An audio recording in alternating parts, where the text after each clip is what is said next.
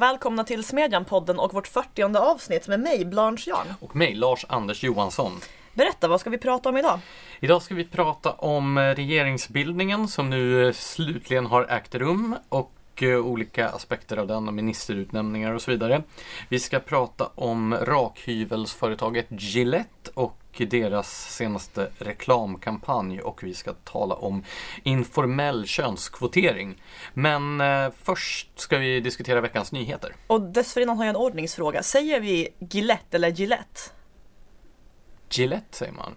Gör vi det? Jag har sagt varannan hela tiden när jag pratat om det här. Okej. Okay. Men okej, okay, Gillette. Gillette. Gillette. Gillette. Okej, okay, bra. Då är, okay. vi, då är vi ense om det.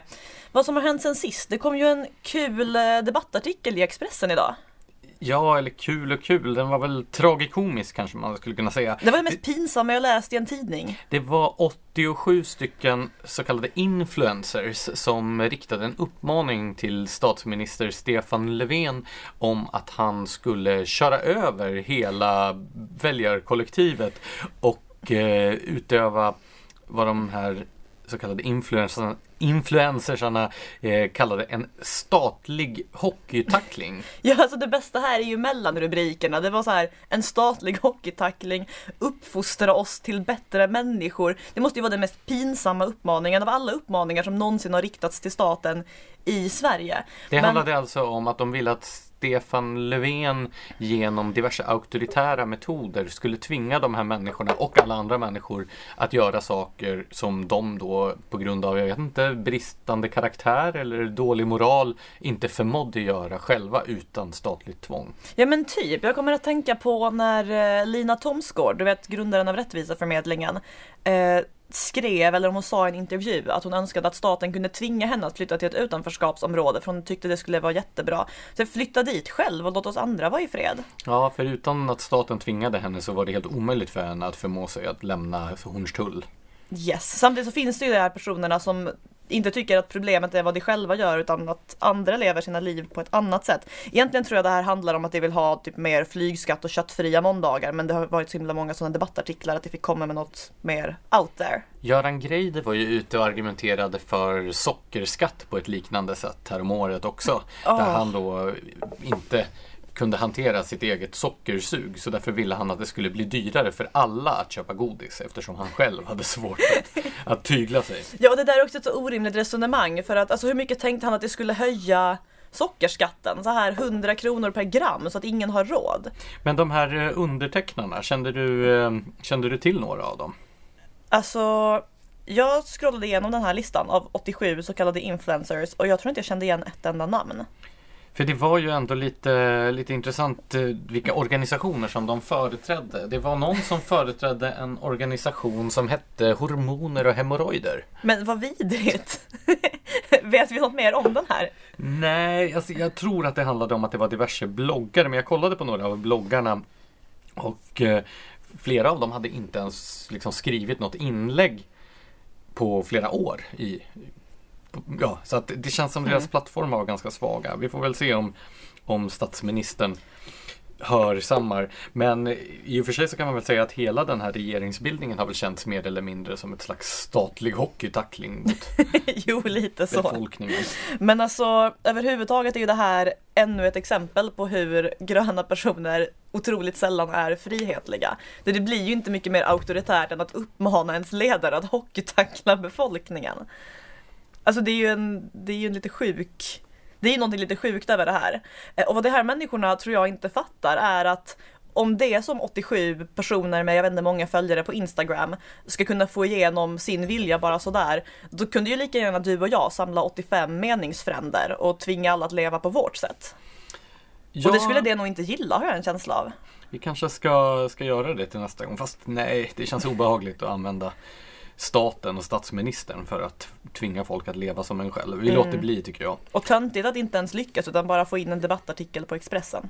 Sen har eh, Oxfam släppt sin årliga rapport som du har läst också. Alltså jag har ju inte det. Jag läste den ett tag tills jag insåg att det är identiska från år till år. Men det släpper ju i början av varje år en rapport om problemet med att människor har för mycket pengar. Och åtminstone är det den enda rimliga tolkningen eftersom det det är en rapport som egentligen handlar om fattigdom. Det är bara det att problemet det tar upp är att det finns klyftor, det vill säga att andra är rika snarare än den, absolut, alltså den faktiska fattigdomen, att människor har lite pengar. Ja men är det inte alltid sådär att de som håller på och ojar sig över klyftor tenderar alltid att vara mer upprörda över de som har det för bra än över att människor har det dåligt. För fattigdomen i världen, den absoluta fattigdomen har ju minskat. Det har ju varit en av de få glädjande nyheterna från det gångna året att den absoluta fattigdomen kraftigt minskar. Men istället så är ju perspektivet från de här som alltid fokuserar på relativ fattigdom att klyftorna har ökat eftersom de i huvudsak stör sig på att några har fått det bättre. Ja, det går ju alltid att på något sätt designa en beräkning så att man landar i att klyftorna har ökat och Alltså det behöver ju inte vara negativt att klyftor ökar. Det är väl alltid trevligt när folk får mer pengar så länge alla får det. Framförallt så är det ju bättre när folk får det bättre än när folk får det sämre. Kan man, skulle man kunna tycka. Skulle kunna tycka. Men fanns det något mer eh, intressant i den här rapporten? Baserat på min icke-läsning av den, nej. Nej, okej. Sen har ju eh, eh, förlåt, Göteborgs-Posten gjort en granskning av de här militanta veganerna. Ja, det känns som att 90-talet ringde och ville ha sina korvkioskbrännare tillbaka. Det var ju eh, väldigt populärt då under andra halvan av 90-talet med veganism och straight edge och så här. Jag antar att du inte har starka minnen av Jo, den, jag minns det jättebra. av den rörelsen. Nej, men det var, det var populärt på den tiden. Nu är det väl kanske en något mindre grupp som ägnar sig åt det här än vad det var på den tiden. Men den grupp som håller på verkar ju rätt så hård för. De eh, hotar lantbrukare och utför olika former av attentat. Gravskändningar har de ägnat sig åt. Hur är det ens tänkt att göra, vara ett, ett statement mot köttätande? Alltså det är väl ett statement mot lantbrukare och andra som ägnar sig åt, åt djurhållning. Jag läste en intervju med någon av företrädarna för den här rörelsen som fick frågan Det var han som såg ut som en Batman-skurk, eller hur? Ja precis, exakt han. Fast korsat med Södermalmshipster. Ja. Min värsta mardröm med andra ord. Men i alla fall, eh, han fick frågan om han inte tyckte det var fel att typ hota folks barn med våldtäkt. Ehm, och jag vet inte om det var som svar på den frågan eller i anknytning till samma resonemang som man sa att nej, så länge man befriar ett djur som kan springa ut i frihet och typ bli uppätet av en räv istället eller någonting, så är det värt det. Alltså det här är ju sån fanatism. Jo, jag tyckte man kunde se den i blicken på den här bilden också. Ja, Batman-grejen. Jo, faktiskt. Alltså, var jag inte heller... Vem var det som skrev det här inlägget om att det är någonting extremt töntigt över de här personerna? Ja, var det inte Karin Pil som skrev det? Jo, det var det. Alltså så den liberala ledarskribenten Karin Pil. Ja, precis. Att det är någonting med att liksom bränna ner, vad är det det gör? Bränna ner lador och sånt här för att hindra folk från att äta en viss typ av diet som är Ja, men så här, det, alltså det är ju en form av terrorism mot de här människorna men samtidigt är det så outsägligt töntigt. Sen har det ju också rapporterats eh, nu idag att ryska militärflygplan har kränkt svenskt luftrum. Ja, det här är ju en fortsättning på någonting som har pågått i flera år med den här typen av små kränkningar av svenska farvatten och svenskt luftrum. Vi har haft de här eh, ubåtsobservationerna och det verkar ju inte bättre än att det är en slags provokationsstrategi där man dels visar vem det är som har kontrollen, att Sverige helt enkelt inte kan upprätthålla sitt territorium och eh, och dels då att man testar gränserna. Hur långt kan man gå? Och jag vet inte om man ska se det i ljuset av att vi nu har haft en, en, eh, en regeringsbildning eller om det helt enkelt bara är ett fortsatt pushande av gränser. Men det var ju, det var ju i alla fall intressant att Norges ÖB var ute häromdagen och konstaterade att Sverige har ett för litet försvar för att överhuvudtaget vara kapabelt att försvara sig självt och uppmanade Sverige att gå med i försvarsalliansen NATO. Jo, alltså han har ju en poäng. Men vad gäller det här med att det skulle vara en, en, ett försök att tänja gränserna, alltså är det inte rätt uppenbart att Sverige inte är särskilt ja, men benäget att försvara sig i de situationerna? Alltså vad finns det? Ja, de vill väl pusha det längre och längre, antar jag. Men alltså det skulle ju typ kunna flyga över Stockholm känns det som i någon sorts pilformation utan att någonting skulle göras. Jo, det är kanske att att eh, regeringen skulle knyta näven i fickan Oh, hårt och skoningslöst. ja, då, då är det nog. Med tanke på att eh, Anders Ygeman har blivit utsedd till digitaliseringsminister. Så Ja, så på tal om medveten provokation, alltså det här måste ju vara Socialdemokraterna som ger Centerpartiet och Liberalerna ett riktigt långfinger. Så här, vi kommer att göra precis vad vi känner för. Vi tar ministern som ni var med om att avsätta för att han var helt omöjlig och sätter honom som minister för just det område han var som allra mest omöjlig inom. Alltså, Ja. det, det finns ju ingen annan förklaring. Nej, det är ett hån, men det är inte bara ett hån mot Centern och Liberalerna utan mot hela svenska folket. Ja, faktiskt. Ja, nu fick vi ju i och för sig en naturlig övergång här till just frågan om regeringsbildningen. Det har ju utsatts inte bara gamla tidigare ministrar utan en del eh, nya ministrar. Vilken ska vi börja med? Ska vi börja med kulturministern som jag har eller eh, rättare sagt kultur och demokratiministern nota bene. Som jag har haft anledning att kommentera i diverse medier nu under veckan. Ja, det är ju många som har ansett sig ha anledning att kommentera henne i diverse medier den senaste veckan eftersom hon har en ovanlig frisyr. Ja, ska vi börja i då den ände som jag i alla andra sammanhang har undvikit att kommentera, nämligen frisyren. Ja, precis. Alltså det är ju någonting så himla orimligt med att få en ny minister och det man väljer att reagera på och lyfta upp i olika sammanhang är hur hon väljer att ha sitt hår. Ja, eller samtidigt, det, det finns ju två sidor av detta. Jag håller ju med dig i sak här. Samtidigt tycker jag att en del eh, av försvaret av det här också blir lite märkligt, nämligen att man inte skulle få kommentera eh, politikers och andra makthavares frisyrer och stilval. Jag menar offentliga personer med en avvikande stil har ju valt en avvikande stil. Och om vi tar några andra exempel då. Jag menar Anders Borg och hans hästsvans och ring i örat var ju föremål för ganska häftig kritik på sin tid. USAs president har en kul frisyr också. Jo, det är ju inte direkt så att man från vänsterhåll har undvikit att kommentera Donald Trumps frisyr. Jag har sett eh, planscher i demonstrationer med texten We shall overcome. så roligt. Ja, är Men, eh, men förutom att vi nu inte skulle kommentera sånt här. Men, men så här, självklart måste man få kommentera makthavares frisyrer och särskilt om de aktivt väljer att ha en annan eh, en udda frisyr eller en avvikande stil på ett eller annat sätt. Men man kan ju välja vilket sammanhang man kommenterar det. Om det är så att man håller på och pratar om utseende, stil och mode, ja men då är det relevant. Men när man ska göra ett första utlåtande av en persons lämplighet för ett politiskt uppdrag, då kanske inte frisyren ska komma högst upp på listan över frågor att kommentera. Så hur bedömer du då Amanda Linds lämplighet för sitt uppdrag den här mandatperioden? Så när eh, Alice Bah Kuhnke blev utsedd till kultur och demokratiminister 2014 så var jag försiktigt positiv. Och det kan ju te sig lite besynnerligt så här i efterhand, men jag ska, för, Historien har inte givit dig rätt. jag ska förklara hur jag tänkte då. Inför valet 2014 så intervjuade jag samtliga pa- riksdagspartiers kulturpolitiska talespersoner och Miljöpartiets talesperson var den enda som inte kunde redogöra för det egna partiets kulturpolitik. Vänta, personen som var representant för Miljöpartiet på det kulturpolitiska området kunde inte redogöra för politiken på området. Ja, Men det här kan ju inte vara sant! Nej men det, det var faktiskt, alltså jag gjorde ju riktigt långa djupintervjuer med de här personerna och eh, satt ju ner i en timme och pratade med var och en, alltså en timme var med var och en. Och eh, de hade ju fått god tid på sig att förbereda sig så. Det var ju inte sådär att skjutjärnsjournalistik där jag dök upp vid dörren och ställde dem mot väggen. Utan de visste vad det skulle handla om och hade haft möjlighet att för, förbereda sig. Men alltså förklaringen till detta var väl i huvudsak att Miljöpartiet hade ingen utrik, eh, utrikespolitik, ingen kulturpolitik. Då är det ju jättetaskigt att göra någon till talesperson för politiken som inte finns. Nej, men det var ju representanten då i, i kulturutskottet. Men eh, efter valet 2014 när Ja, eller förlåt, jag, jag skulle bara fullfölja min tankegång där.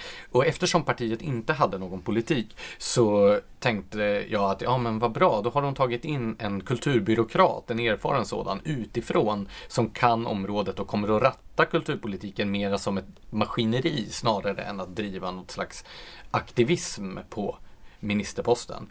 För eh, Alice Bah Kuhnke, som ju också fick utstå en massa kritik för sitt utseende och utvikningsbilder och sånt där som hon hade tagit när hon var yngre. Eh, hon var ju på pappret i alla fall om man tittar på hennes CV, en erfaren chef och byråkrat från kultursektorn. Så jag tänkte så här, ja, ja, men här har man gått på, på kompetens istället för aktivism. Men chi fick jag. Surprise! ja. Men eh, efter valet då 2014 så tillsatte Miljöpartiet en arbetsgrupp som skulle ta fram en kulturpolitik. För de tyckte väl att det var en bra idé att ha en politik på området när de hade departementet. Det är det här som utmynnade i det så kallade kulturpolitiska manifestet, eller hur? Ja, den rapporten som den här arbetsgruppen producerade hette Kulturen, det fjärde välfärdsområdet. Och den rapporten var ju smått fantastisk. Den sågades av alla från höger till vänster. Jag minns att eh, Karin Olsson i Expressen skrev Bevara oss för Miljöpartiet och Åsa Lindeborg i Aftonbladet menade att eh, Miljöpartiet ville göra kulturinstitutionerna till statliga uppfostringsanstalter. Alltså, jag hoppas inte spannet mellan vänster och höger går mellan Karin Olsson och Åsa Linderborg. Alltså Åsa Linderborg är ju väldigt tydligt till vänster. Jo, det köper jag. Ett citat ur den här eh, förkättrade rapporten. Tydliga direktiv och krav ska ställas på kulturinstitutioner att arbeta med mångfaldsfrågan på alla plan. Kvantifierade mångfaldsmål ska sättas upp med sanktioner och konsekvenser från huvudmän om målen inte uppnås. Så när jag blev intervjuad i Expressens webb-tv häromdagen så fick jag frågan om hur jag skulle etikettera Miljöpartiets ideologi på kulturområdet och då myntade jag begreppet eh, auktoritära vindflöjlar. Det jag menade att de blev offer för olika påtryckningsgrupper och trender i kulturlivet och kulturdebatten. Framförallt då den här väldigt starka identitetspolitiska lobbyn som vi har i Sverige. Du menar Miljöpartiet? Miljöpartiet blev offer för detta. Jo men den är ju i så fall sin, e-, sin egen lobby, är den inte det? För den är ju en av de liksom, starkaste förespråkarna för identitetspolitik. Ja, fast jag tror att det beror just på att det fanns ett tomrum där som de fyllde med då idéer från Rättviseförmedlingen och Muslimska mänskliga rättighetskommittén och en massa andra sådana där påtryckningsgrupper. Alice Bah Kuhnke ägnade sig väldigt mycket åt att anlita till exempel Rättviseförmedlingen för olika uppdrag och när man tittar på de tillsättningar på chefspositioner i kultursektorn som har skett under de gångna åren så har det nästan alltid varit aktivister från de här grupperna som har fått tunga tjänstemannauppdrag. Du skrev själv till exempel om eh, Nationalmuseums insynsråd och den här demokratiagenten som han kallar sig. Som... Just det, Barakat Gebrahmariat. Precis. Så den där typen av saker har ju stått som spön i backen under den här gångna mandatperioden och även politisering av institutionernas verksamhet. I ett nummer av Access magasin nyligen så skrev Gunilla Kindstrand en artikel om hur Riksteatern har politiserat sin verksamhet och under valåret drev aktiv kampanj mot Sverigedemokraterna. Ja, vi pratade ju om dem i Almedalen. Ja, precis. Och det är ju väldigt anmärkningsvärt just detta att en statlig myndighet går ut och bedriver partipolitisk valpropaganda under ett valår för skattepengar. Jo, det har du ju rätt i. Men Okej, okay, Amanda Lind alltså. Väntar du dig nu något? Är du fortfarande optimist och väntar dig ett brott mot det här eller väntar du dig mer av samma nu? Nej, men jag tänker så här. Den gången så valde man att ta in en tjänsteman med liksom kändiskredd. Och den här gången väljer man att ta in en partist. Hon har ju varit partisekreterare fram till nu. Och en politiker med kommunpolitisk bakgrund. Och alltså, jag vet alldeles för lite om Amanda Lind som person, men det är ju möjligt att det är bättre att välja en politiker istället för då en person som kommer från sektorn. Det finns ju lite olika förhållningssätt till det här också.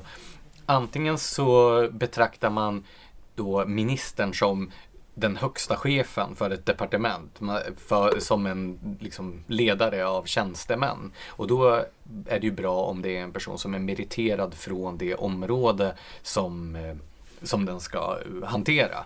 Det var ju lite så som Emmanuel Macron tänkte tror jag när han tillsatte sin eh, ministär med en massa olika experter på respektive område. Men det är ju ett slags, vad ska man säga, meritokratisk, elitistisk hållning som kanske inte heller, jag vet inte om det har fallit så väl ut i Frankrike. Det andra sättet att se på det, det är ju att de folkvalda politikerna ska vara folkets representanter gentemot byråkratin och statsapparaten. Och att det då snarare är meriterande att personen inte kommer från det område som de ska styra över. Jag vet till exempel en före detta riksdagsledamot som eh, hävdade att det inte gick att ha någon med lantbrukarbakgrund som jordbruksminister. Just för att det skulle göra personen då jävig. Och på samma sätt skulle jag kunna säga att ja, men det kanske är bra om det inte är en person från kultursektorn som är kulturminister. Fast det är väl bra att ha en person från sektorn vars intressen den ska verka för i staten. Alltså jag tycker ju man ska ha det här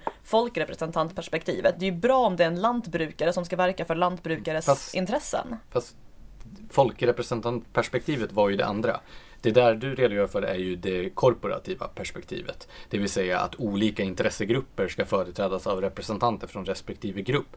Det är ju lite mer Macrons linje. Medan folkrepresentantperspektivet handlar om att det ska vara någon som företräder folket som inte tillhör. Fast det första var ju en byråkrat. Alltså det är ju skillnad att ta en person som har erfarenhet från sektorn den ska liksom sätta en budget för och så här och att ta en byråkrat som har jobbat sig upp i ett parti och liksom ha det här interna. Alltså jag menar inte att man ska plocka en en liksom... Eh, jag tror inte riktigt du förstod skillnaden här.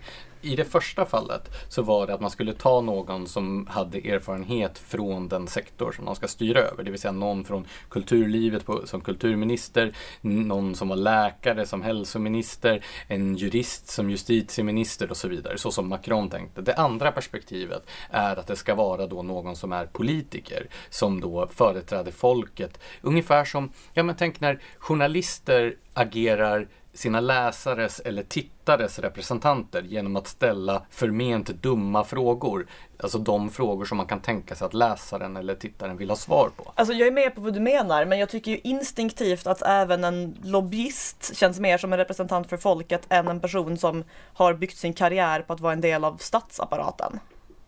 Vilken av personerna är det du menar nu? Alltså i fallet Alice Bakunke och Amanda Lind eller?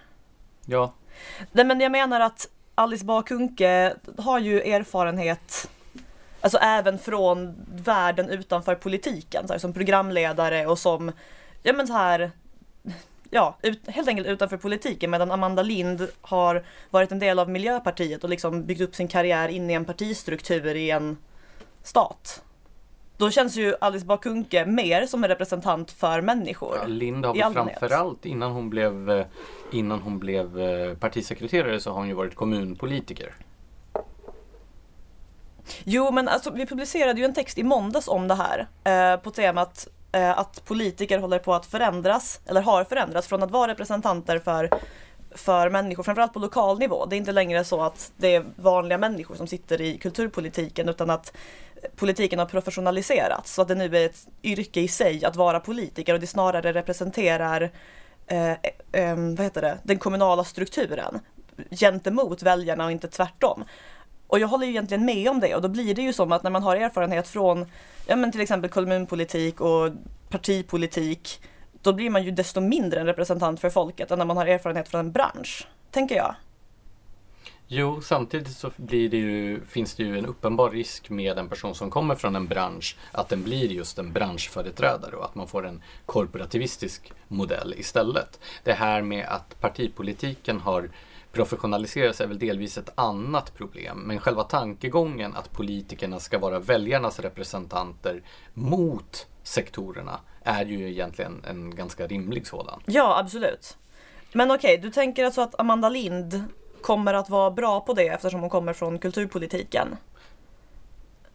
Nej, det var inte det som jag... Det som jag sa var att det kanske kan vara bättre med en politiker som minister än någon som kommer från själva sektorn. Jag vet inte. Alltså, jag tror ju i grund och botten så handlar det här ganska mycket om hur hon är som person och om det vet jag ingenting så att det väljer jag att inte uttala mig om nu.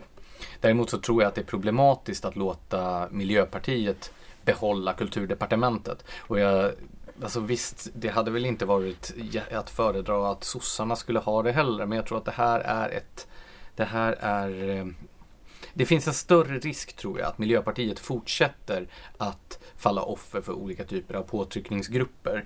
Snarare kan man väl se det här som att Socialdemokraterna har kastat in handduken på politik, eh, kulturpolitikområdet. Och om det beror på att de anser att de inte behöver för att de har vunnit eller att de helt enkelt inte är intresserade av kultur längre, det vet jag inte. Okej, okay, så... Um... Och du har ju kommenterat eh, utrikesministern. Ja, alltså jag kan inte bestämma mig för om jag tycker att Anders Ygemans utnämning till digitaliseringsminister eller Margot Wallströms fortsatta plats på utrikesministerposten är den största provokationen mot väljarna. Framförallt så måste det väl vara att betrakta som en enorm provokation mot Liberalerna.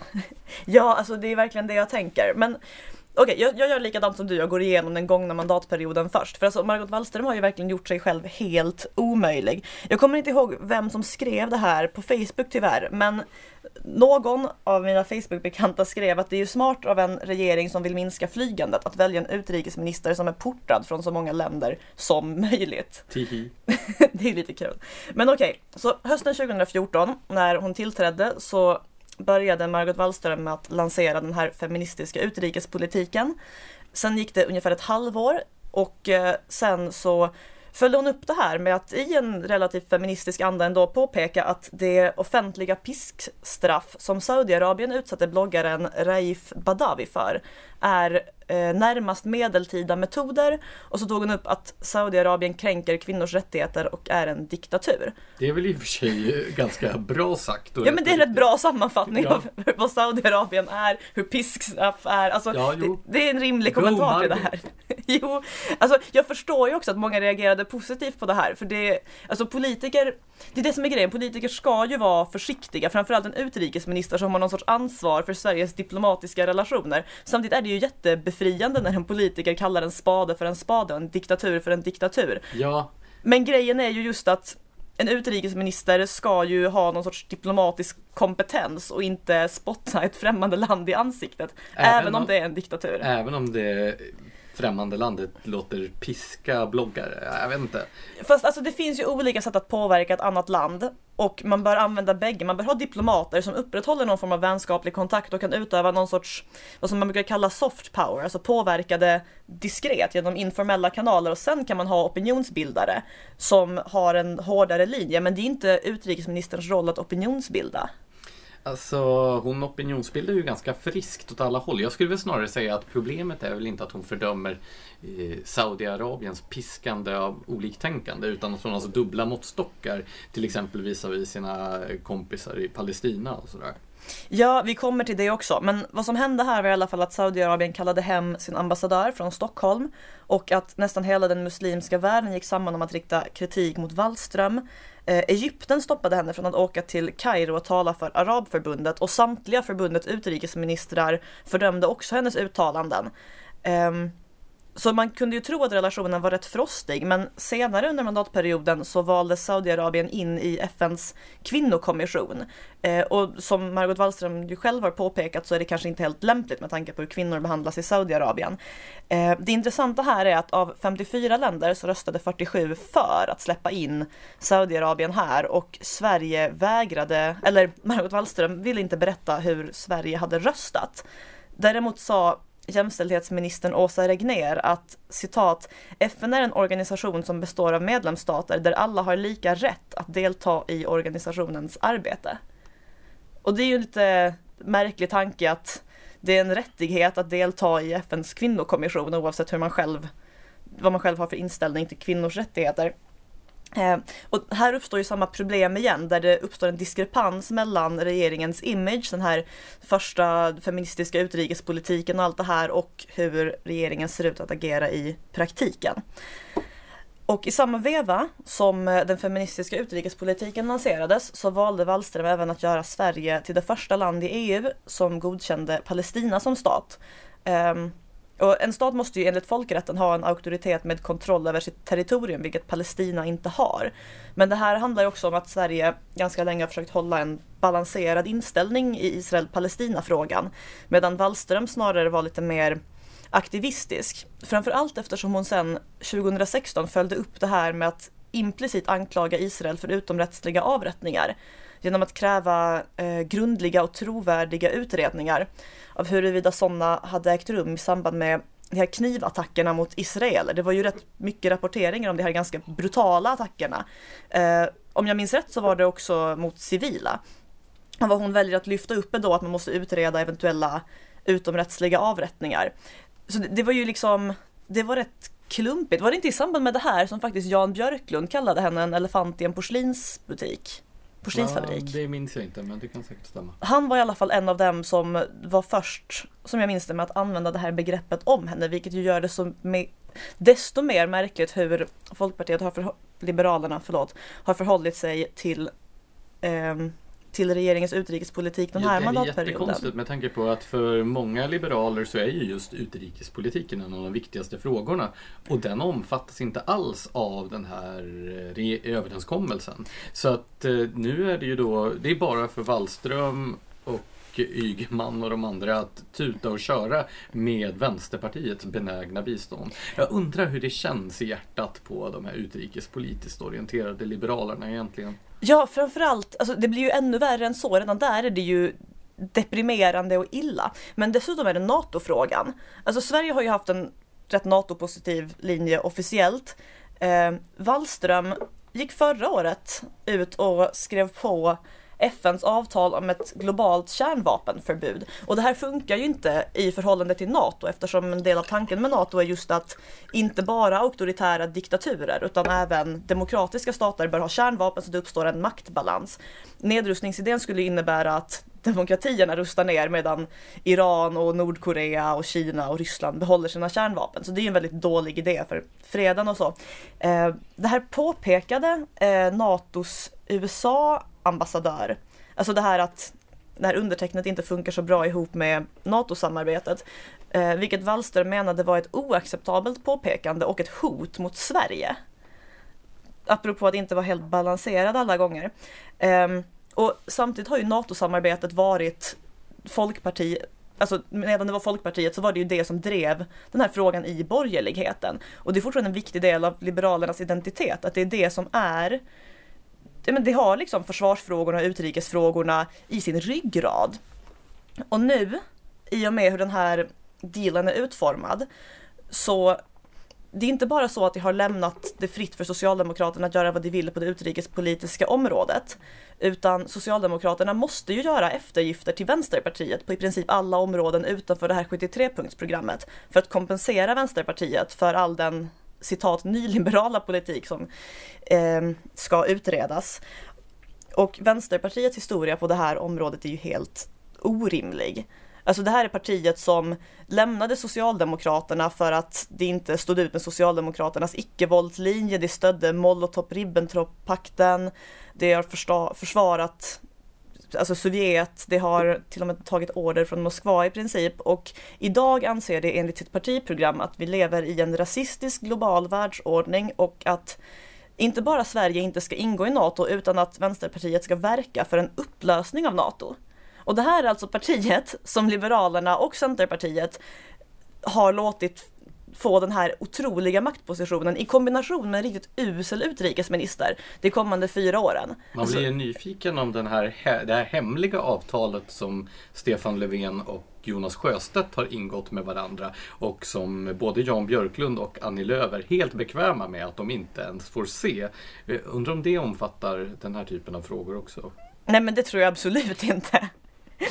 Alltså det... Det, det, det där hemliga avtalet det omfattar säkert bara frågor som Centerpartiet och Liberalerna skulle vara bekväma med om de fick veta. Jo, jag tror Stefan Löfven har sagt det till dem så att de nu känner sig trygga i det. Alltså det är, det är ett sånt mörker. Vill du lägga till något mer om det här eller ska vi, ska vi lämna mörkret är? Jag ska bara dunka mitt pannben mot det här lilla bordet som vi ser framför oss. Ja, fast då kommer kaffet spillas ut så du kan spara det till efter podden. Du har ju också skrivit om rakhyvlar eller snarare om eh, den, världs, den marknadsledande rakhyveltillverkaren Gillettes senaste reklam som har upprört dig svårligen. Ja, alltså det är ju inte en reklam dock egentligen. Det är en två minuter lång film där Gillettes logotyp förekommer och ett antal välrakade män. Men vad det här egentligen är, är ju en identitetspolitisk ja, men, kamp, inte kampfilm, men det gör ju inte reklam för rakhyvlar, det gör reklam för åsikten att män i allmänhet beter sig uselt, eller åtminstone är liksom möjliggörare till mobbning, sexuella trakasserier och giftig maskulinitet. Kan du bara för eh, våra lyssnare som kanske inte har sett den här beskriva helt kort vad, vad filmen går ut på? Okej, okay, den, den inleds med eh, med en voice-over där en röst säger mobbning, metoo-rörelsen mot sexuella trakasserier, giftig maskulinitet, is this the best a man can get? Alltså det där är ju en, en version av Gillettes eh, slogan som är the best a man can get. Men det är också att fråga sig, blir män inte bättre än så här? Och sen så fortsätter det, det visar liksom bilder på män som beter sig dåligt och kommer med ursäkter och boys will be boys. Men sen lägger det in en brasklapp att några män beter sig redan bra. Inte många, inte de flesta, men några i alla fall. Och eh, uppmanar andra män att börja bete sig bättre. Och då undrar man, vilka i målgruppen för Gillettes rakhyvlar för män kommer att tycka det här var trevligt att höra. Vilken vilken, vad uppskattad jag känner mig av företaget jag köper de här produkterna från och ger mina pengar. Jag ska nog gå och köpa några fler rakhyvlar.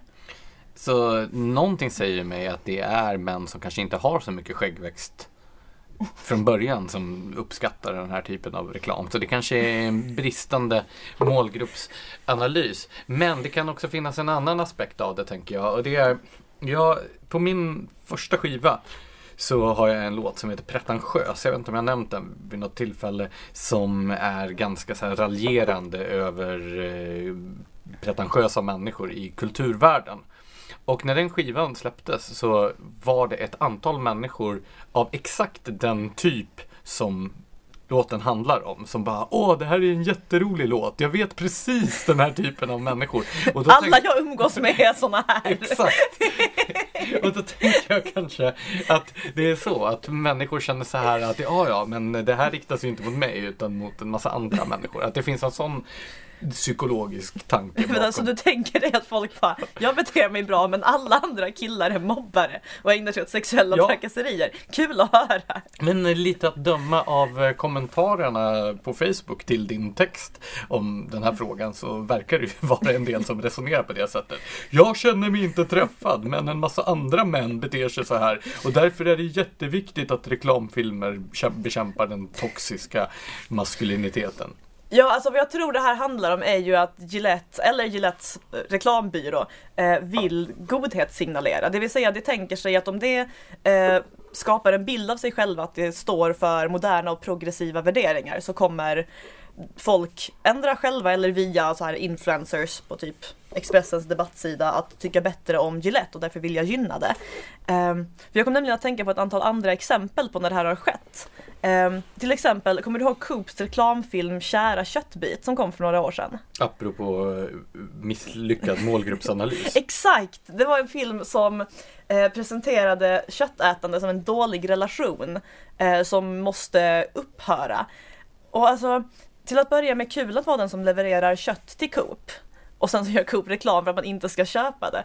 Men också så här, vi som äter kött, vi blir kanske inte så sugna på att köpa det hos någon som aktivt vill låta bli att sälja det till oss. Fast sen tänker jag också att Coop kanske helt enkelt ansåg att det vegetariska och veganska segmentet var ja men var mer, jag vet inte, ekonomiskt köpstarkt eller så och hellre satsade på det. Um, ett annat ett genuint misslyckat exempel på det här är däremot, det här fick mindre spridning tror jag, men 2017 gjorde skokedjan Bianco en reklamfilm med budskapet att eh, lika lön för män och, män och kvinnor inte räcker eftersom det är dyrare att vara kvinna eftersom vi behöver mer pengar till dyrare hårklippningar och underkläder.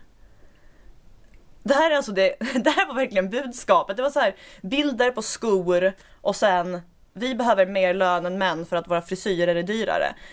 Um, Hur dyra är damunderkläder egentligen? Alltså jag vet inte. Det... Du använder väl sådana? jo, men jag har liksom aldrig gjort Är det en någon- stor kostnadspost? Nej, inte jätte. Och jag kollade faktiskt det här med min... Använder du den som argument vid löneförhandling? varje gång. Jag lämnar in små kvitton till vår VD. Men även det här med frisyrer blev så konstigt för att jag kollade med, eh, med min pojkvän eh, vad det kostar för honom att klippa sig och så jämförde jag det med vad det kostar för mig att klippa mig och det, det är ju någon hundralapp dyrare för mig. Och sen började du gå till hans frisör.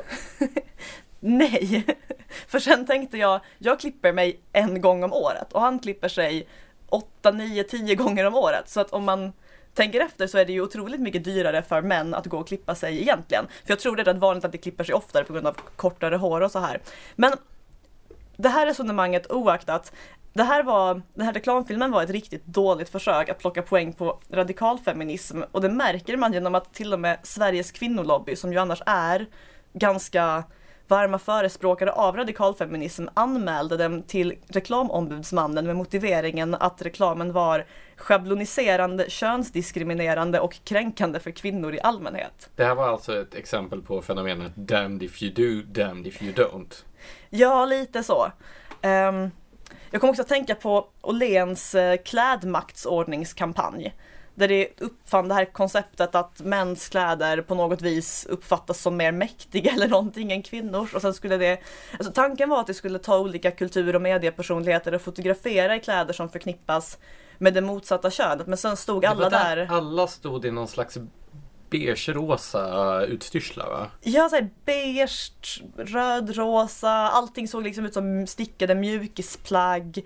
Um, någon kvinna som då skulle föreställa klädd i manskläder hade en här, rosa eller lila slips knuten som en rosett. Jag vet inte om det är någonting du brukar göra med dina slipsar. Jo, alltid när du inte är här. Vad jag missar saker när jag jobbar hemifrån.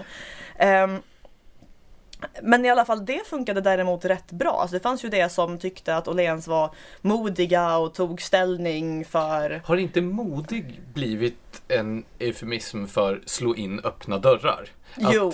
då göra ett kraftfullt slag i luften och säga ifrån om sånt som alla redan håller med om. Då är man modig. Precis. Medan om man till exempel gör en Lars Vilks och utmanar verkligt obehagliga och farliga grupper så att man måste ha Säpo-skydd året runt. Då är man en förkastlig förtryckare. Ja, eller till och med feg. Ja, Jag tror till och med jag har hört det yttras om honom.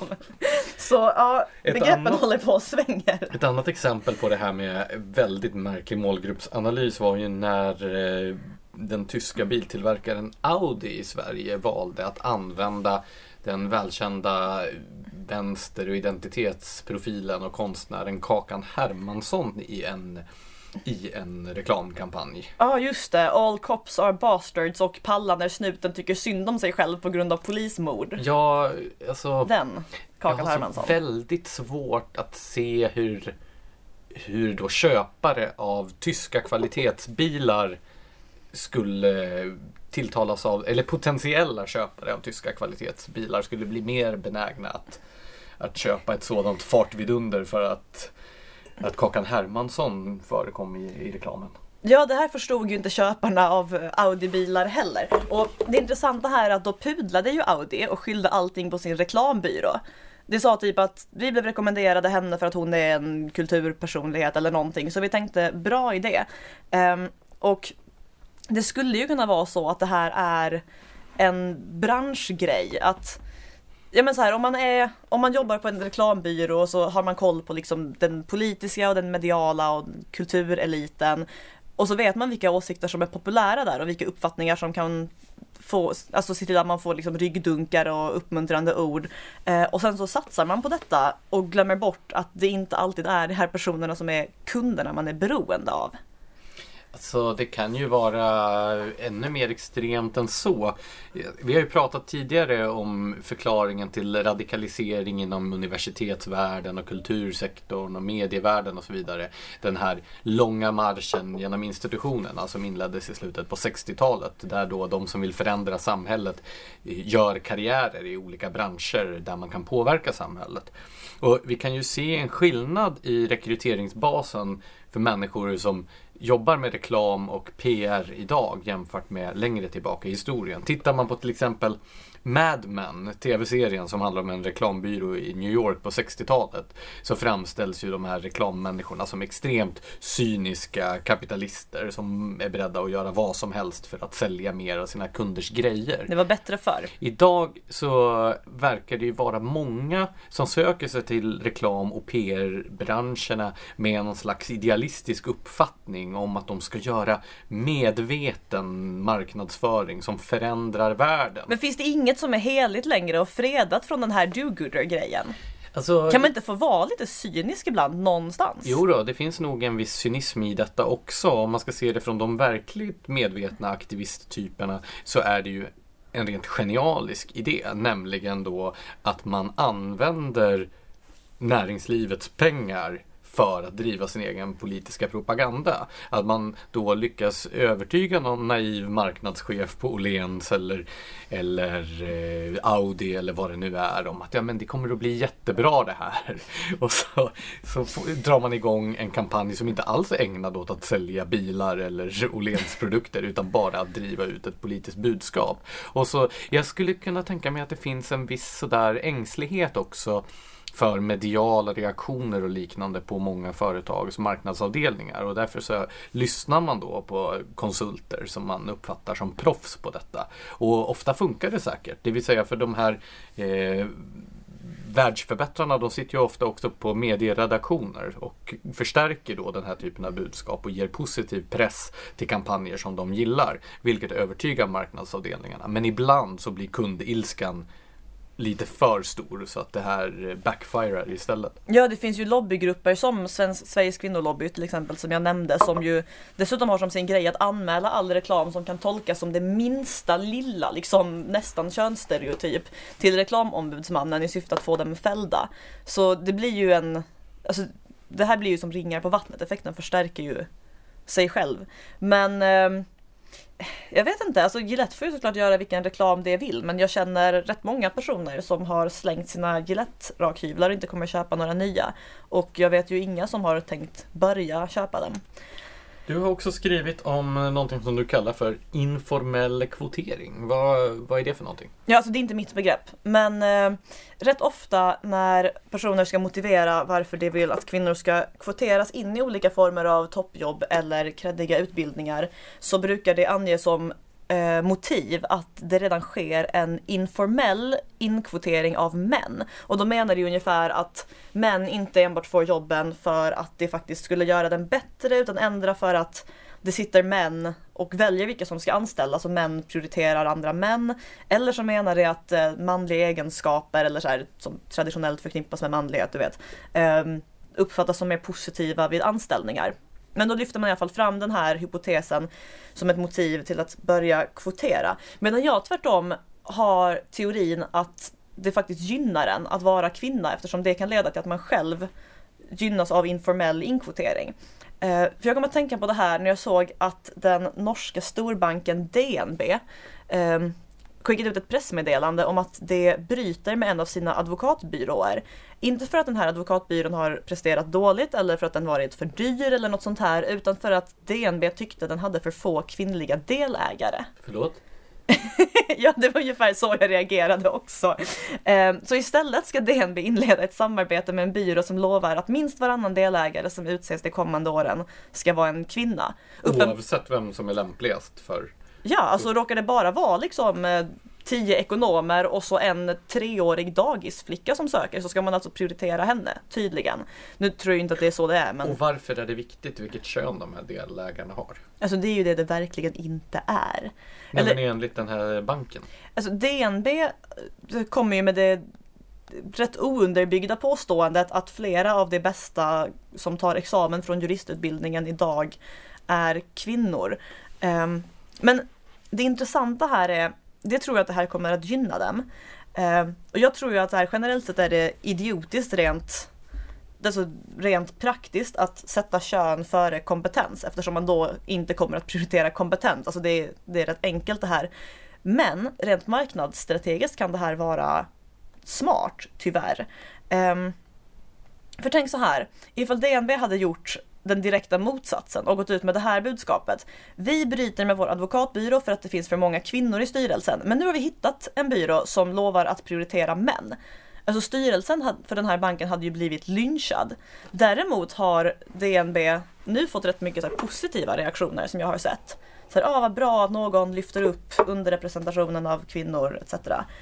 Men min poäng är att åtminstone inom ja, apropå det här kulturella och mediala etablissemangen vi talade om tidigare. Åtminstone där betraktas det ju som positivt att anställa eller utnämna en kvinna medan det i bästa fall uppfattas som neutralt att utse en man.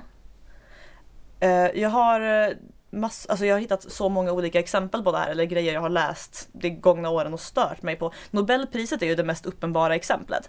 Um, det, här, 20... det diskuterade vi tidigare i podden, eller hur? Gjorde vi det? Gud, mitt korttidsminne är helt väck.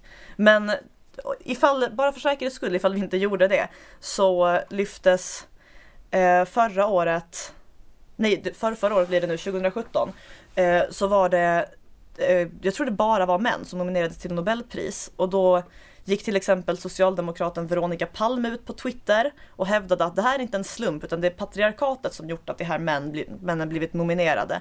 En skådespelerska vid namn Helena Bergström Eh, uppmanade på nyhetsplats Nobelkommittén att skärpa sig. Och ett tidigare språkrör för Grön ungdom skrev att Nobelpriset borde sluta delas ut efter kön. Så utgångspunkten här är alltså att om du är man och får ett pris då är det för att du är man. Du har liksom inte riktigt förtjänat det. Medan en kvinna som får ett pris, då lyfts det fram som något positivt.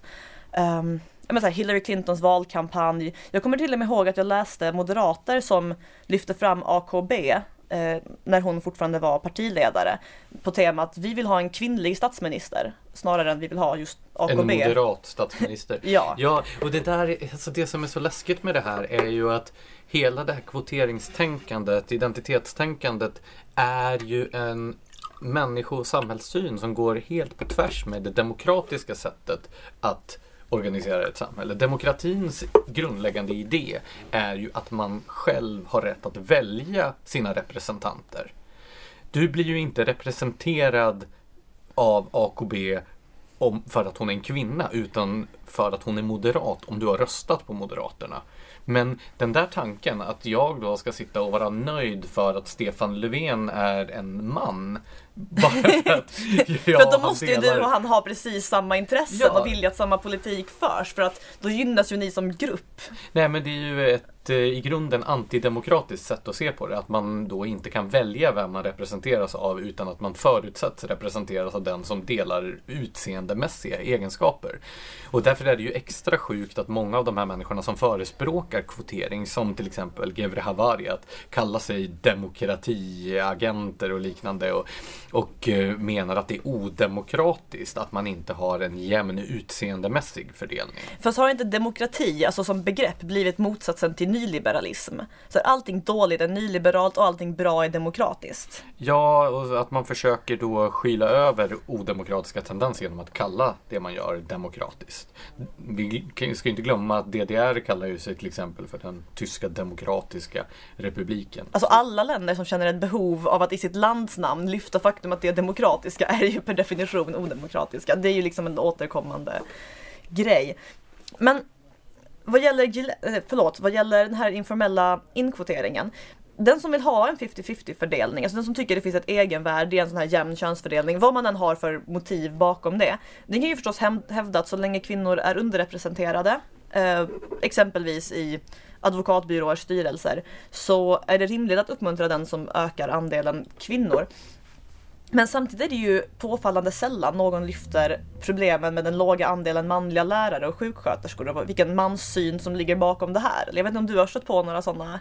Nej, men det verkar ju alltid handla om en viss typ av... Det är eh, styrelseposter i börsnoterade företag och det är glassiga jobb i kultur och media.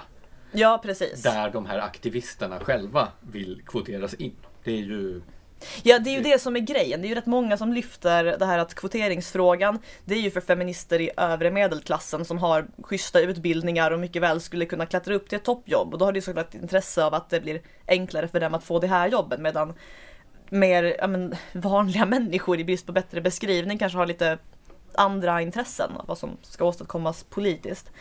Um, men i alla fall, jag har sparat mitt bästa argument för min hypotes att kvinnor kvoteras in informellt till sist. Eh, 2014 kom ju en Timbro-rapport som visade att kvinnor är överrepresenterade i eh, styrelserna för, om jag minns rätt, de 30 eller 40 största börsbolagen i Sverige. Eh, för vad folk glömmer, ja men så här, vad DNB glömmer till exempel när de skriver att det är ju en majoritet av kvinnor som tar examen från juristutbildningen och då måste ju det speglas i styrelserummen. Det är ju att du tar inte din juristexamen som, jag vet inte, 23-24-åring och promenerar rakt in i ett styrelserum för att då hade alla advokatbyråer i princip gått i konkurs.